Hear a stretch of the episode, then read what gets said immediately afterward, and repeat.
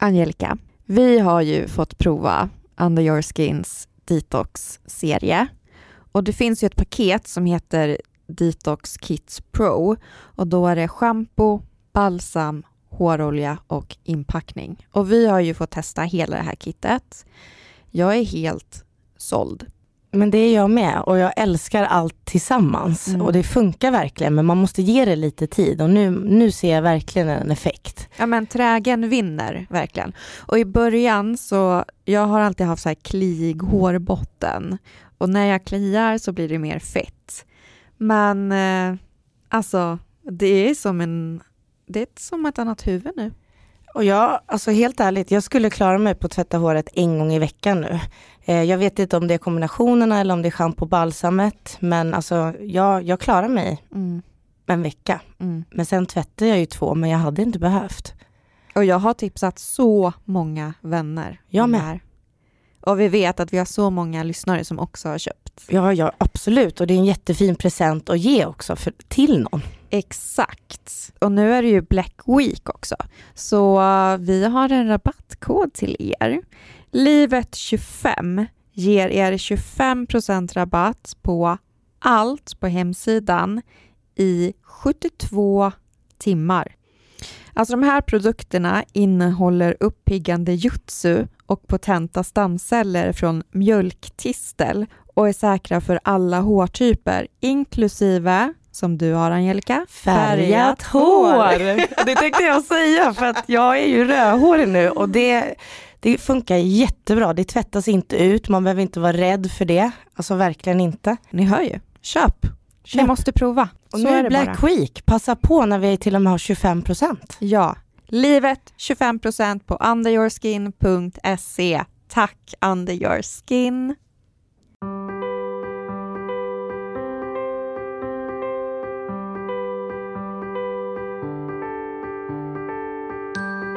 Hej, det här är Hanna Hej, det här är Angelica och det här är våran podd som heter Under livet. Hallå, jag Hallå, måste bara... hallå. Jag vet, jag vet vad du tänker säga, men säg du först. Vi har ju bett er att nominera oss till Guldpodden och vi är nominerade. Det här, Och du är nominerad. alltså jag är nominerad tillsammans med mina idoler. Liksom. Jag såg det. Det här måste jag också dela nu. Alltså det här är så stort. Och så är vi under hälsa och träning. Exakt.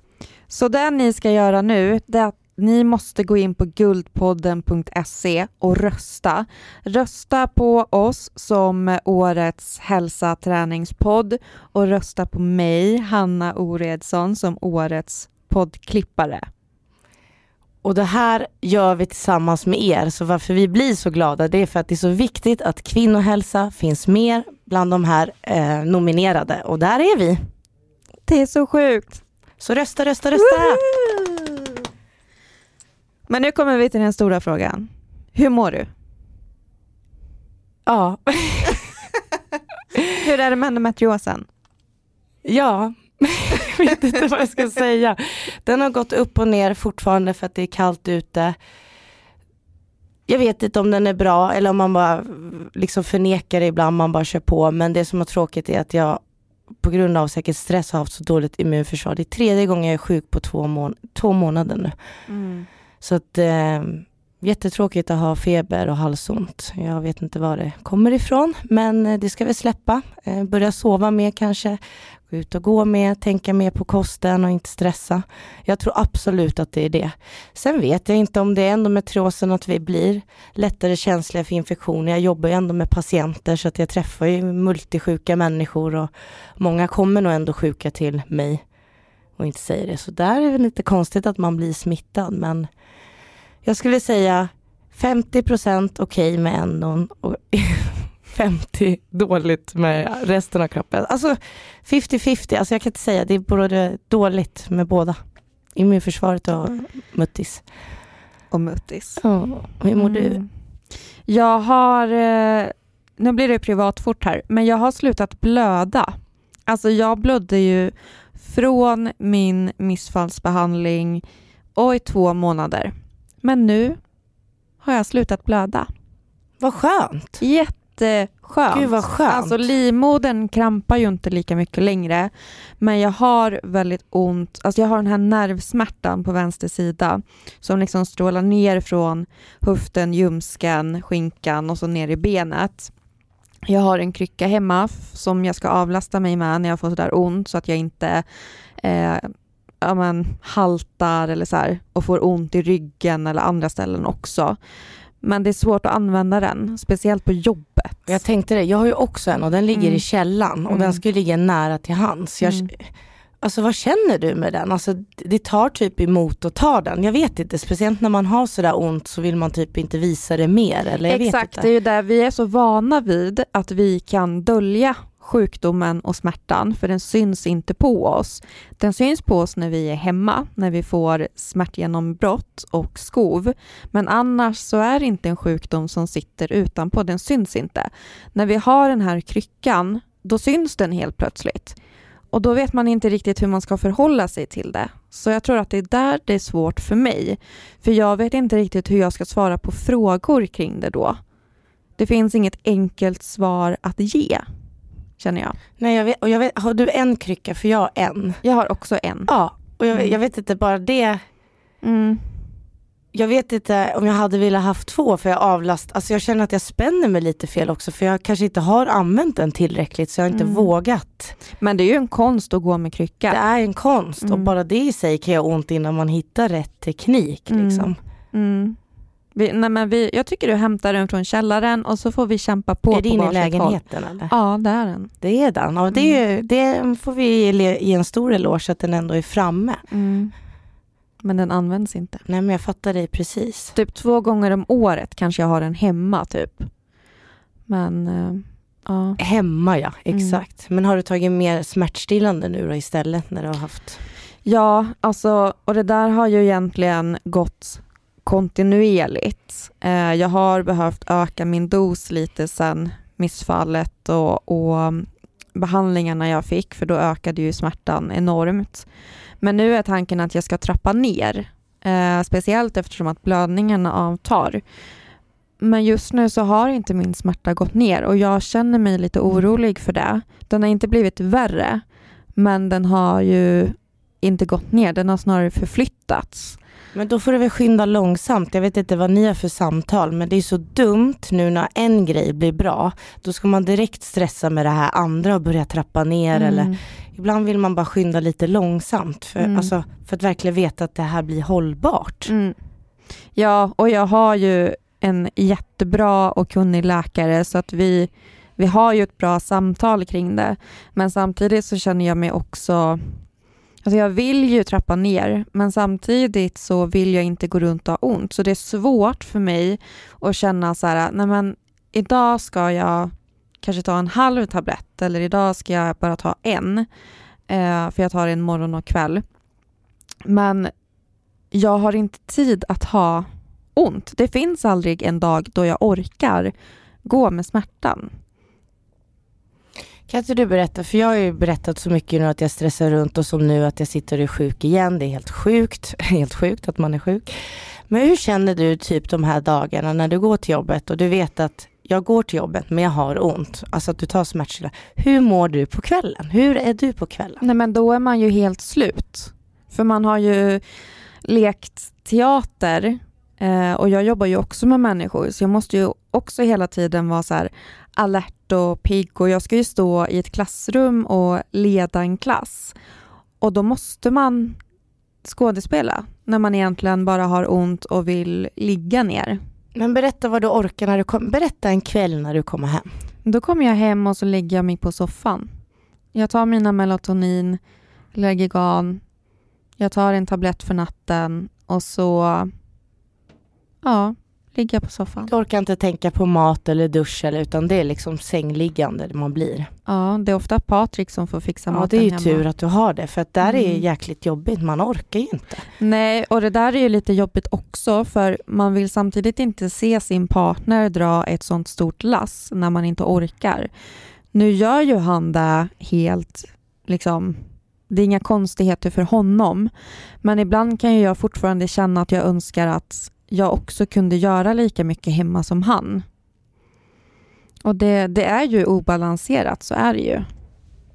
Och det är jobbigt. Även om jag vet att det, han inte tycker det så tycker ju jag det. För jag är ju den personen som inte kan bidra lika mycket.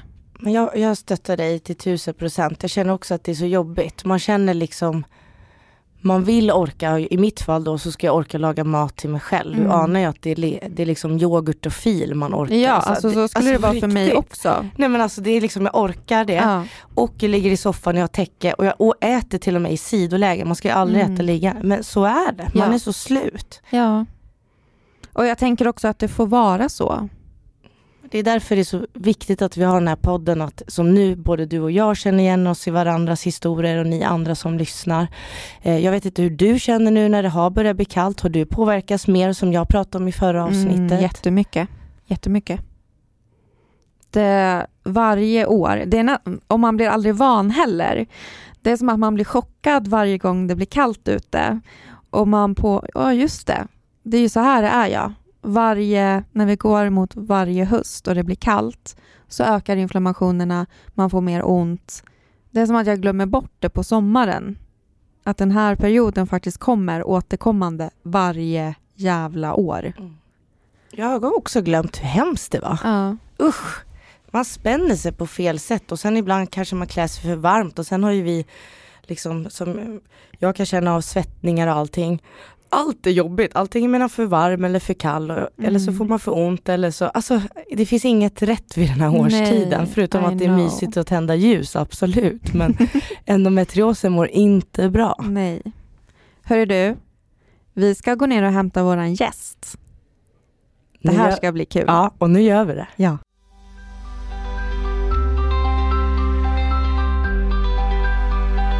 Och då har vi hämtat gästen. Välkommen Sara! Tack snälla. Berätta lite om vem du är. Ja, jag är en tvåbarnsmorsa i grund och botten. Eh, sen är jag också barnmorska. Jag har varit det i ungefär åtta och ett halvt år. Så det, ja, det, tiden eh, rinner iväg. Det känns som att jag typ tog min sköterskeexamen igår. Mm. Men så, så är det. Och vi har ju blivit tipsade om dig från flera håll, för du är ju ganska stor på Instagram. Berätta om det. ja, alltså jag har ju, liksom, det här med Instagram är ju jättekul, jag som tycker om språk. Så på det sättet är det, är det superkul. Um, men tanken var ju inte att jag skulle bli liksom uh, en influencer på det sättet i form av uh, liksom, att livnära mig på det här. Utan jag tycker ju att mitt jobb som barnmorska är fantastiskt givande. Och en väldigt stor kontrast mot den kommersen som blir eh, om man mm. bara skulle till exempel eh, driva ett sociala mediekonto. Men fantastiskt att det finns. Eh, jag tycker din fida, sida är så fin för att det är så mycket info man kan hitta, liksom även sparade händelser och sånt med mycket faktarutor. Det tycker jag är väldigt viktigt. Ja, den har ju hängt med den där instan några år. Och den kom ju till i och med covid för att eh, jag märkte att gravida blev helt, eh, liksom, de kände att de blev lämnade i något slags vakuum där vi inte visste och massa sådana där saker. Och, och så var det ju också. Vi visste ju inte allt och det får man ju försöka acceptera. Liksom. Eh, men att prata om det som vi faktiskt vet och att eh, faktan är liksom kommer från med lite källhänvisning. Eh, och, eh, så att det liksom inte florerar massa um, icke sann fakta. Tyckte jag var viktigt. Det är så bra, för alltså det där kan jag känna igen mig mycket i som har endometrios, att allt finns på nätet. Och det är så svårt att veta vad är trovärdigt, vad bör jag läsa, vad bör jag inte läsa? Och så är man ju också i en sån desperat situation som man tar till sig av allting. Och då är det så himla bra att ni som faktiskt är kunniga och professionella finns där ute som liksom säkra kunskapskällor väldigt tillgängligt. Man måste lära sig, eller man måste förstå liksom skillnaden på, men det här är fakta för en stor population, det här är liksom generella eh, samband vi kan se, det här är generella orsaker och sådär. Jämfört med kanske din systers historia eller din mammas erfarenhet eller någon avlägsen släkting som vill komma med goda råd. Jag säger inte att de är fel, men man måste förstå skillnaden mellan de här källorna. Liksom. Mm. Och då kommer vi osökt in på att du har skrivit en bok. Ja. Och vad heter boken då? Den heter Gravid med utropstecken. Där får man ju alla perspektiv. Precis. Mm. Och tanken är att den ska vara liksom icke-dömande, ta upp lite olika perspektiv. Det kan ju handla om svårigheter att bli gravid, eh, IVF, eh, kanske att mista ett barn eh, eller att hamna på neo en längre tid med ett för tidigt fött barn eller föda ett sjukt barn eller kanske till och med under graviditeten eh, veta att man väntar ett sjukt barn. Men framför allt fokus på de här normala tankarna som faktiskt är normala. Eh, vi förändras ju otroligt mycket. Man brukar säga att, att bli gravid är lite som att och att bli förälder är liksom som en livskris, och som när man går i pension. Alltså hela, hela ens verklighet omkring en förändras ju. Så att eh, det finns oerhört mycket liksom om att föda barn. Och visst är det en otroligt liksom, fascinerande grej.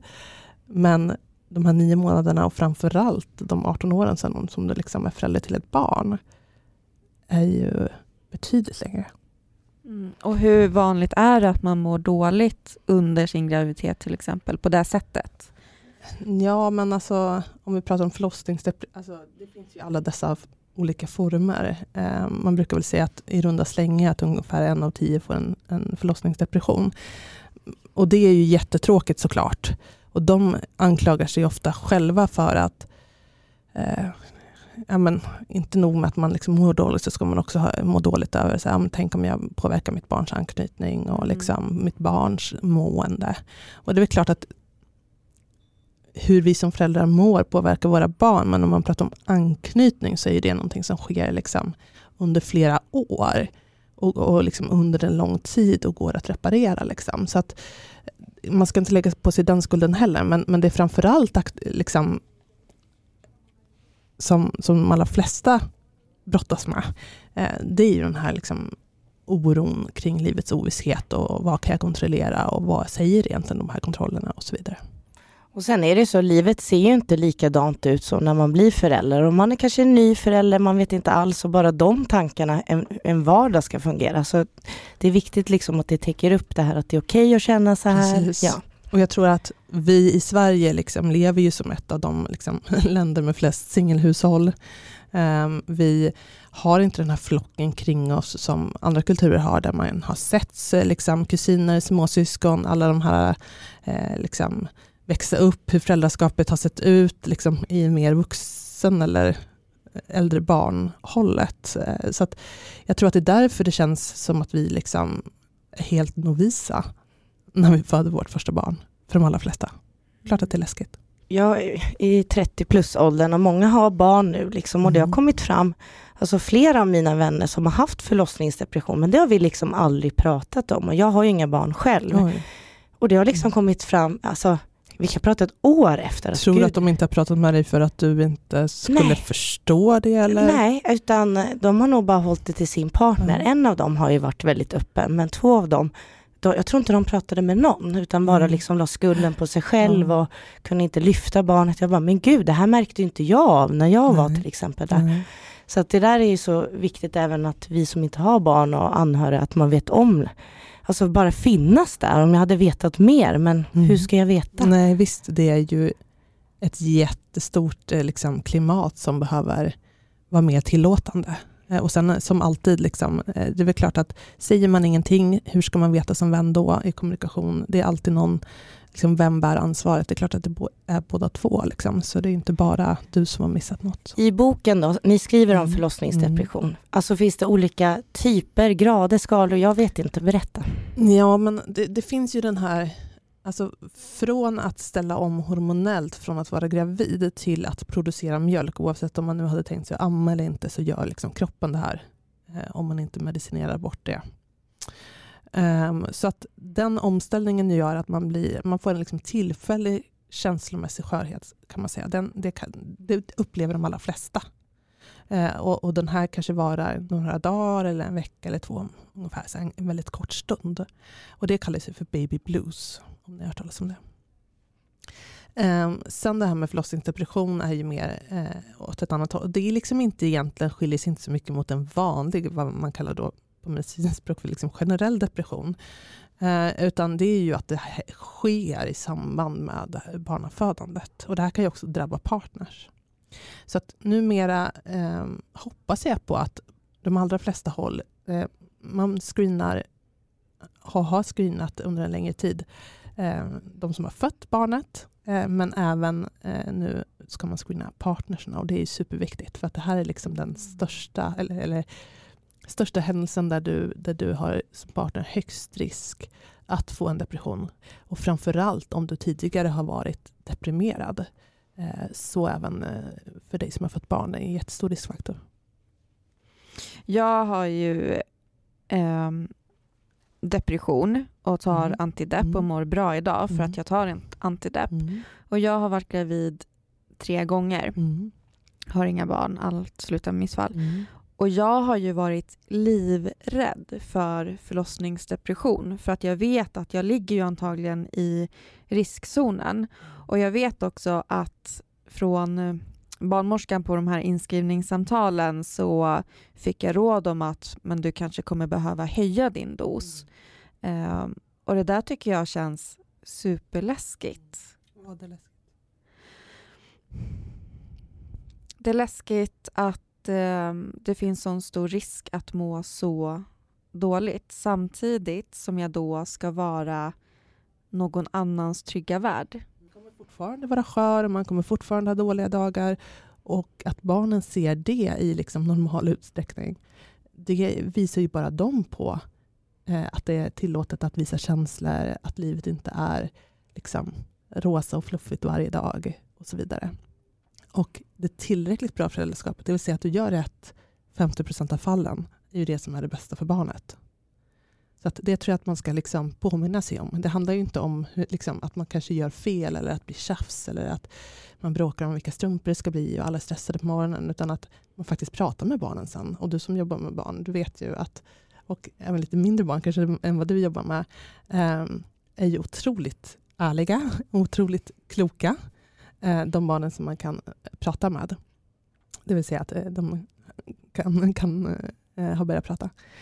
Så att jag tror inte att man ska liksom och det handlar inte om att vara snäll mot sig själv heller, utan mer kanske vara tillåtande mot sig. Att förstå att det här pretentiösa föräldraskapet, där det ska vara alla rätt och det ska vara ekologiskt överallt och det ska vara plastfritt överallt och vad det nu kan vara, liksom man får dille på. Um, skälper nog mer än hjälper. För alla inblandade. Men det du säger också där med medicineringen. Eh, det är ju så att, eh, jag menar du är ju till exempel på en plats eh, jag menar, du vet om det här, du har tagit hjälp för det här, säkert både medicinskt och genom samtal och så vidare. Eh, så att, att, att vara medveten om det här och ha en plan är ju mycket tryggare tänker jag. Eh, jag blir inte särskilt orolig om jag hade träffat dig mm. Eh, på en inskrivning eller så. Um, utan uh, den jag kanske skulle vara mer orolig för är den som är, verkar superstressad, verkar ha massor med ångest eller ger tecken på depression men inte har någon liksom, självinsikt. Uh, så att jag känner mig trygg.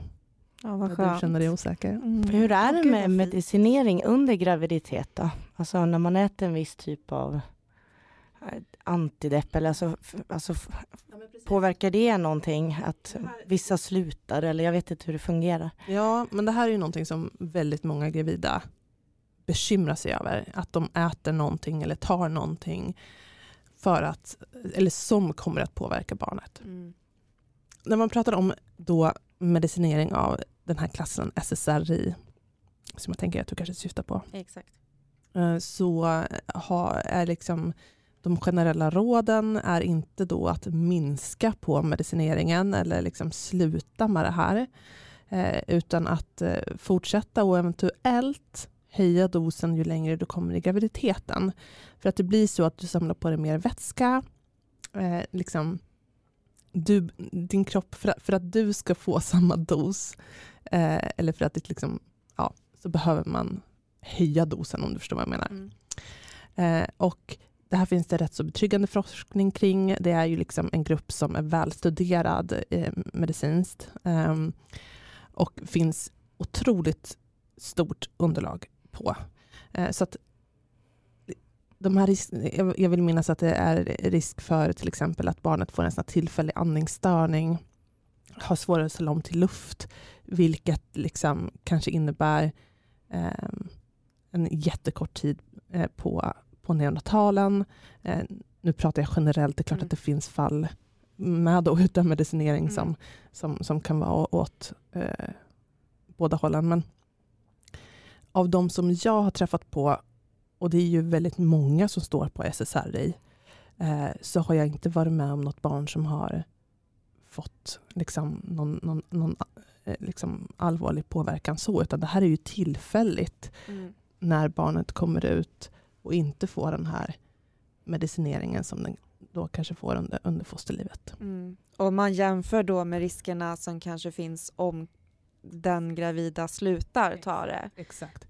För de allra, allra flesta så är det här skakigt, med eller utan Mm. eh, liksom medicinering eller vad det nu kan vara. Mm. Eh, men det finns en otrolig skamkänsla hos de gravida att så här, nej, men, nej, jag kan inte utsätta mitt barn för det här, eller nej, jag kan inte utesluta, liksom, att, att man på något sätt straffar sitt barn för sitt dåliga mående. Men, men det är ju något man verkligen gör om man slutar ta den medicin som man, som man är ordinerad. Mm. Jag är liksom inte sponsrad av något läkemedelsföretag. Nej, men, men, men det är otroligt många som är oroliga över det här. Och ehm, jag har sett och träffat, liksom, det är klart att lilla jag har inte träffat liksom, som en stor studiepopulation så, men de, de jag möter eh, är väldigt oroliga kring det här och de, det är väldigt många. Och liksom, vill jag ge något tips från hur jag mådde när jag liksom var nybliven eh, tvåbarnsmamma så är det att liksom våga ta hjälp oavsett om det är eh, mediciner eller om det är eh, samtal men den hjälp som faktiskt ger dig någonting. Mm. För att en, en bra förälder eh, får barn som mår bra.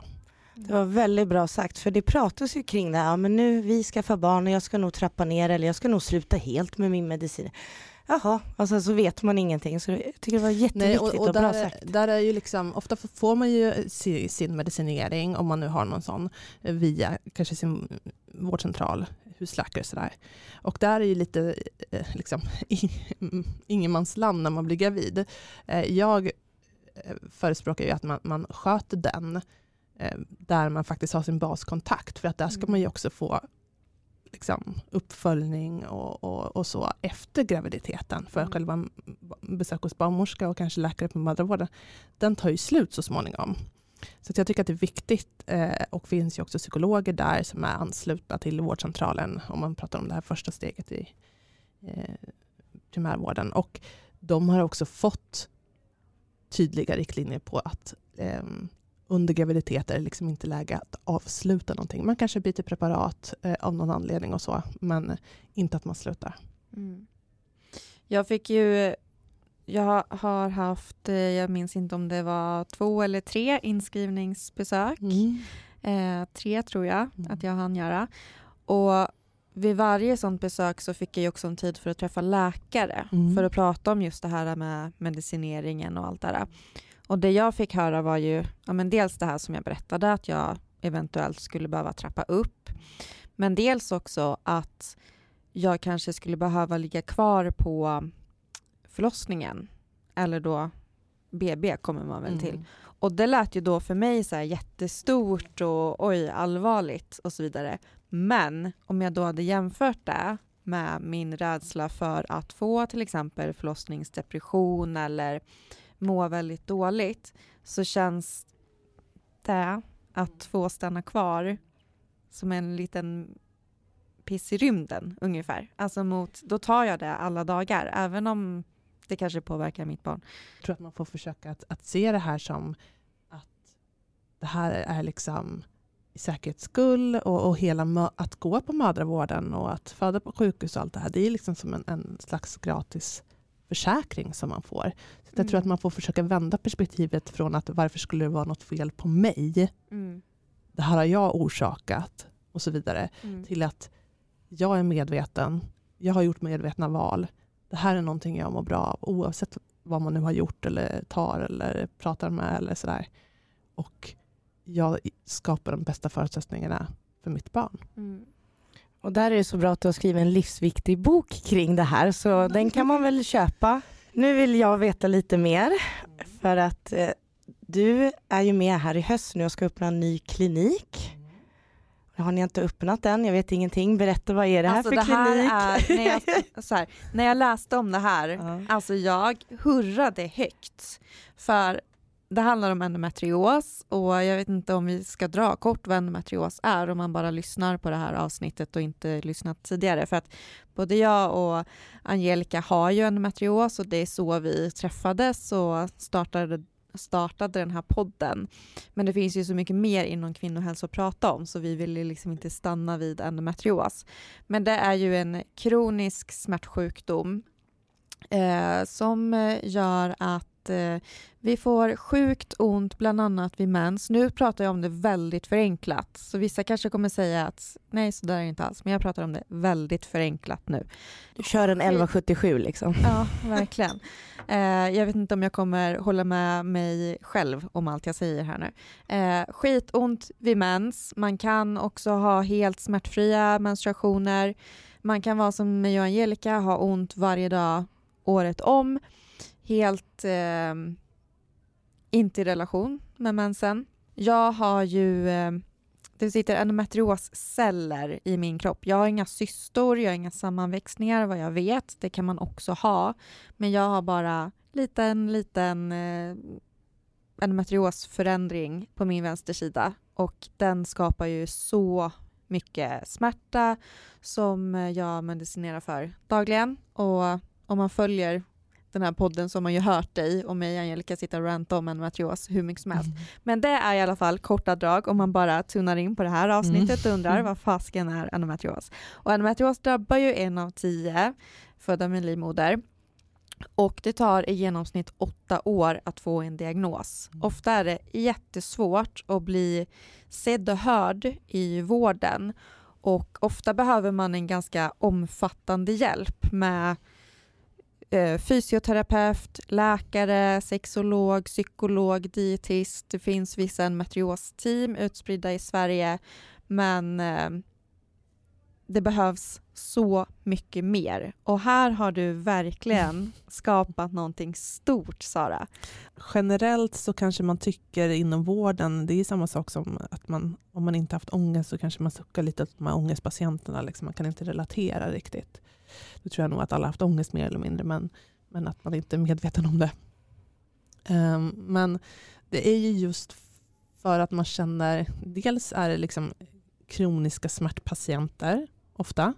Eh, en del, eller många, blir liksom bättre i sin smärta eh, av medicinering till exempel. Eh, men långt ifrån alla. Och eftersom det inte finns heller något riktigt såhär, äh, någon behandlingsplan eller liksom, eh, och jag menar så som med alla patienter, grupper eh, och med de med kronisk smärta så finns det ju liksom typen av patient är ju också otroligt bred. Så att jag tror att det, det mycket är okunskap. Eh, mycket är att det är så den här gruppen av, av eh, liksom patienter kräver, så som du säger, så otroligt mycket och bred kompetens att man nog går i lite självförsvar och liksom tycker att det här känns jobbigt. Absolut inte alla. Jag menar inte liksom att, att, att eh, alla tycker så här. Men jag tror att det känns tungt för många eh, att träffa en endometriospatient. Eh, för att man vet inte riktigt eh, hur man ska räcka till. Mm. Eh, eller var man ska börja eh, och så. Um, och det här med smärta är ju också, liksom när smärta kommer in i bilden, um, när man pratar om liksom, vad är smärta? Uh, sannolikt är vi liksom fysiologiskt mer känsliga liksom, i våra receptorer för smärta. Men har vi en gång triggat en smärta så sätter det sig psykologiskt och till slut vet man ju kanske knappt vad, gud är jag, är jag bara knäpp? Mm. Eh, tror jag, det vet vi att... Jag med, jag känner igen mig. att vi är knäppa. Så Nej, jag sällan, skojar. så sällan är fallet. Men det jag menar är att det är, det är en komplex bild och jag är inte knäpp. Det är inte jag som inbillar mig det här. Det här är inte normalt. Eh, och så vidare. Jag tror ju att den, den psykologiska delen av endometrios, den finns ju inte liksom eh, Eh, i de här endometriosteamen vad jag vet, utan de här endometrioscentrumen som finns på sjukhusen ägnar sig framförallt åt kirurgi som vi egentligen helst vill undvika för att det ökar risken för eh, att få endometrios. Man brukar säga att om man tar bort lite endometrios kirurgiskt så, minskar man liksom besvären ungefär ett halvår, sen är man där igen. Eh, så att ehm, vi vill ju finnas där kirurgin, i alla fall i det här liksom, steget, inte finns, utan eh, vi vill ju att de med endometrios ska känna att de har någonstans att vända sig, det ska finnas en tydlig behandlingsplan. Också ett, hurrar de ju på, på gynakuten Eh, för att mm. det finns en, man vet vad det här är för typ av patient, man vet ungefär vad den, här, vad den här kräver för typ av smärtlindring eller hur det brukar vara. Man vet också, man har också någonstans att liksom remittera tillbaks till eller till um, för uppföljning efter det här akuta um, vårdtillfället. Uh, och det känns ju så himla fint för alla inblandade. Och det är det, man vill ju inte falla mellan stolarna och man läser ju om det att man träffar i snitt, alltså många läkare, det gäller inte alla, men att man får liksom gå till flera olika innan man mm. ens blir hörd. Så att det här är jättestort. Så är det ju alltid inom vården. Alltså, all, det är som det är för lärare också. Liksom. Det, det, kommer inte finnas, eh, liksom, alla kommer inte vara kunna allt eller vara på topp varje dag eller vara superengagerade eller super, alltså, sådär, liksom det får man, alltså tyvärr är det så när människor möter människor. Eh, men vi vill ju verkligen att, att det här ska bli liksom som en, en trygg plats. Sen är vi ju i grund och botten en, eh, eh nu heter vi ändå gyn, och vi har liksom medvetet det för att vi har en endometriosprofil. Men i grund och botten är vi ju en, en barnmorskemottagning och en gynmottagning som sitter på samma ställe eh, med spetskompetens inom endometrios. Eh, så att man kan ju söka som patient utav endometrios också. Och det är ju just det här att ni sitter på samma ställe ja. som är så fantastiskt. Det går fysiskt sett inte att bli runtbollad, mm. utan eh, oavsett om du söker för eh, att du vill ha mödravård eller om du vill ha eh, kanske preventivmedel om man behöver bolla någon grej liksom, eh, som, som inte är på min nivå, eh, utan att jag behöver rådfråga en läkare eller Eh, och liksom sexuell hälsa, alltså det som vi ofta söker för på barnmorskemottagningen för till exempel preventivmetoder och sånt, innefattar ju så mycket mer än bara preventivmetoder. Eh, man kan ju faktiskt gå till sin barnmorska där och prata bara om sin sexuella hälsa som jag tänker drabbas otroligt mycket om du har endometrios. Så att där kan ju också vi få in en funktion, även om inte vi behandlar med endometriosen liksom medicinskt eller diagnostisera endometriosen barnmorskor så kan vi finnas där omkring. Mm. Det känner jag att jag saknat. Alltså bara det här samtalet kring sex också. Hur är det liksom? Hur mm. fungerar du? Det har inte jag pratat så mycket om hos varken i Göteborg eller Stockholm och jag har ändå fått bra hjälp. Men mm. ändå inte om man inte fångar upp det för det Men jag påverkar det, det, Jag tror att det har, det har väl blivit liksom det är sällan någon kommer liksom i, i, och bara vill prata om sin sexuella hälsa, vilket ju egentligen verkligen är vårt uppdrag. Liksom. Om fertilitet till exempel eh, och sådana saker och fertilitet som endometriosdrabbad eh, som ju liksom det generella är nedsatt. Liksom. Eh, och, och, många är ju också så här, ja, men jag, jag kunde inte bli gravid när jag blev 35 på första försöket. Vad är det för fel på mig? Eh, och då kanske skambeläggande att prata om när är man som mest fertil eller generellt eller din fertilitet eller sådär. Men man får ju faktiskt också komma och fråga. Mm. Och jag tänker att Alltså läraryrket, vi jobbar med människor men det är väldigt ensamt och jag kan tänka mig att det är samma som vårdpersonal, att man jobbar med människor men man är ju väldigt ensam i sin roll. Och som du sa förut Sara, att när man kommer till en läkare så kanske den läkaren känner sig otillräcklig. Den vet inte kanske vart den ska vända sig eller hur den ska hjälpa endometriospatienten. Och det stället som ni skapar här nu eh, det hjälper ju alla. Ja, mm. precis. För där jobbar ni som du säger. Här ska, här. Ja. att ni är på samma ställe och eh, är ett team. Det ska bli jättespännande och jag tycker att det skulle bli så kul att få jobba liksom över gränserna som kanske inte... Vissa saker måste man såklart förhålla sig till kring regionens uppdrag och så vidare. Eh, men att få vara liksom en trygg bas eh, tror jag betyder otroligt mycket för den som tycker att livet gungar. Mm. Finns det någon klinik som ni kan ha som förebild i det här och inspireras av? Eller det här, är det här väldigt nytt som koncept? Nej, det här är nytt som koncept på det sättet. Mm. Eh, och det är ju bara att beklaga att, att det inte har funnits innan med tanke på att 10% med lima, en livmoder eller två. Mm. Mm. Jag var ju inne på sidan men det gick inte att boka tid än. Nej. Nej. vi, vi har ju precis blivit klara med lokalen. Eh, det finns en gedigen lista. Jag kan tänka mig det. Skriv upp det där innan. Så det sen är det väl, det gäller väl de som har fått diagnos och de som misstänks att ha. Alltså, det kan ju vara allt möjligt. Det kan ju vara möjligt. de som tänker att så här, ja, men jag, jag har misstänkt att jag har haft endometrios i, i, sen jag fick min mens. Jag bläddrar igenom Eh, både största eh, bindan och tampongen och, och liksom har, ja. Um, och ju mer vi informerar om det, jag menar, det är ju, det är ju liksom, vi har också gjort en SIFO-undersökning om så här, vet du vad endometrios är, liksom, till exempel, och sådana saker. Så att eh, vet man inte, och det, det är där också jag tänker liksom i skolan, hur, hur gärna, många gånger jag hade så gärna kommit förbi och pratat om dels fertilitet, att man är medveten om det, eh, liksom inte skambeläggande på något sätt, utan att man, man vet om hur fertiliteten på, på det stora hela liksom ser ut, när pikar den och så vidare. Men, men också att en av tio i det här klassrummet har liksom endometrios och risk för kroniska smärtor. Mm.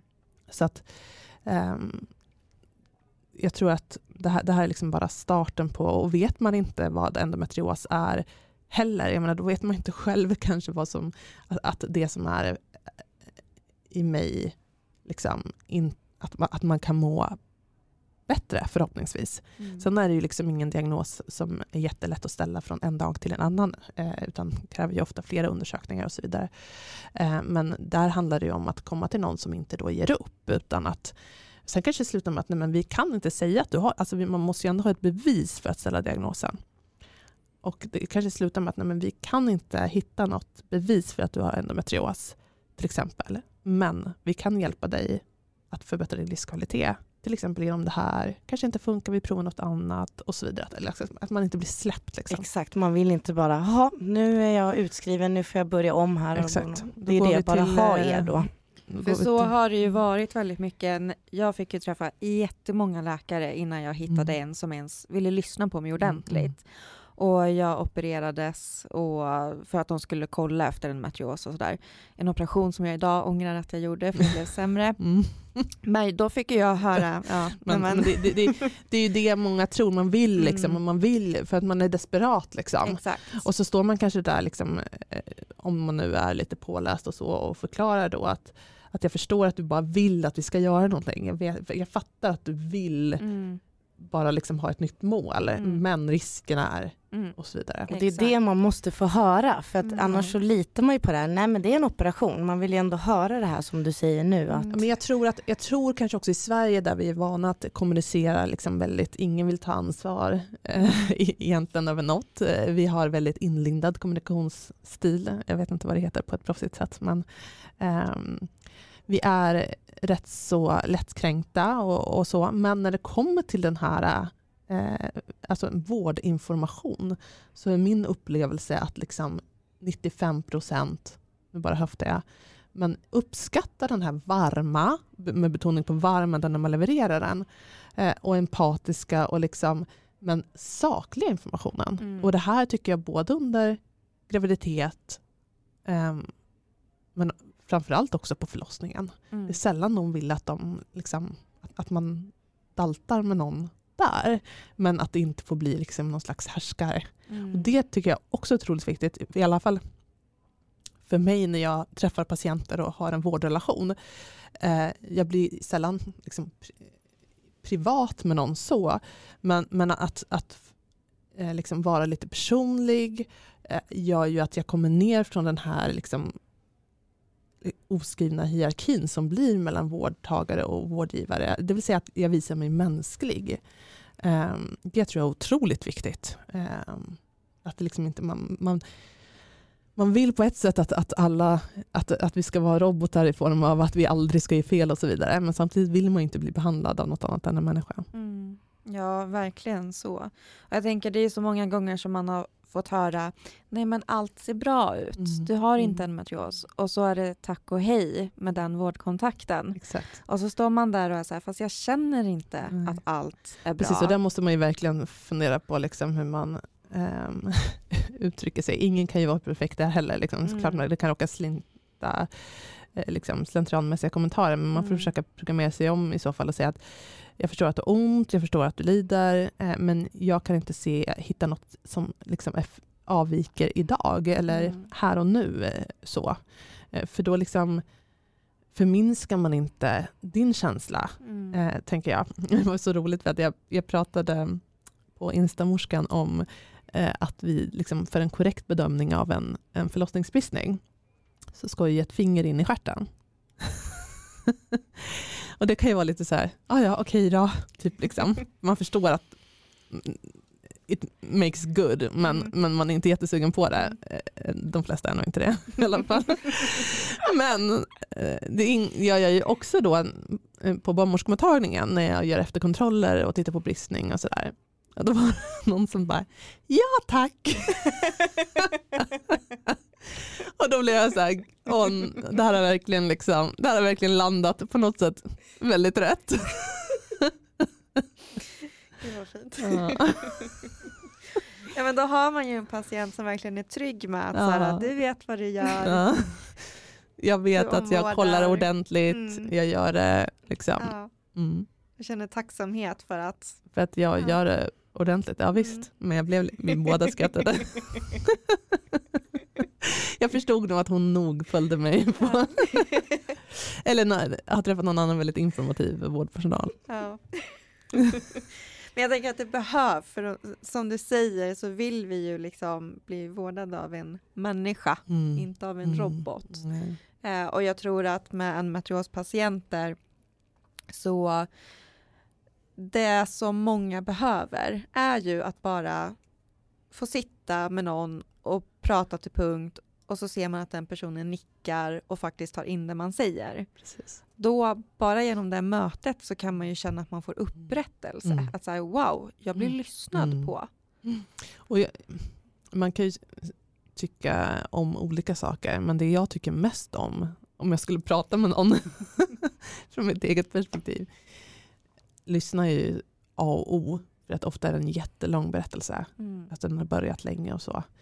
Ehm, men att bara sitta och nicka och inte säga någonting, det tycker jag är lite halv... Det, ett sånt möte får inte jag som, om jag skulle vara patient, kanske ut så jättemycket av.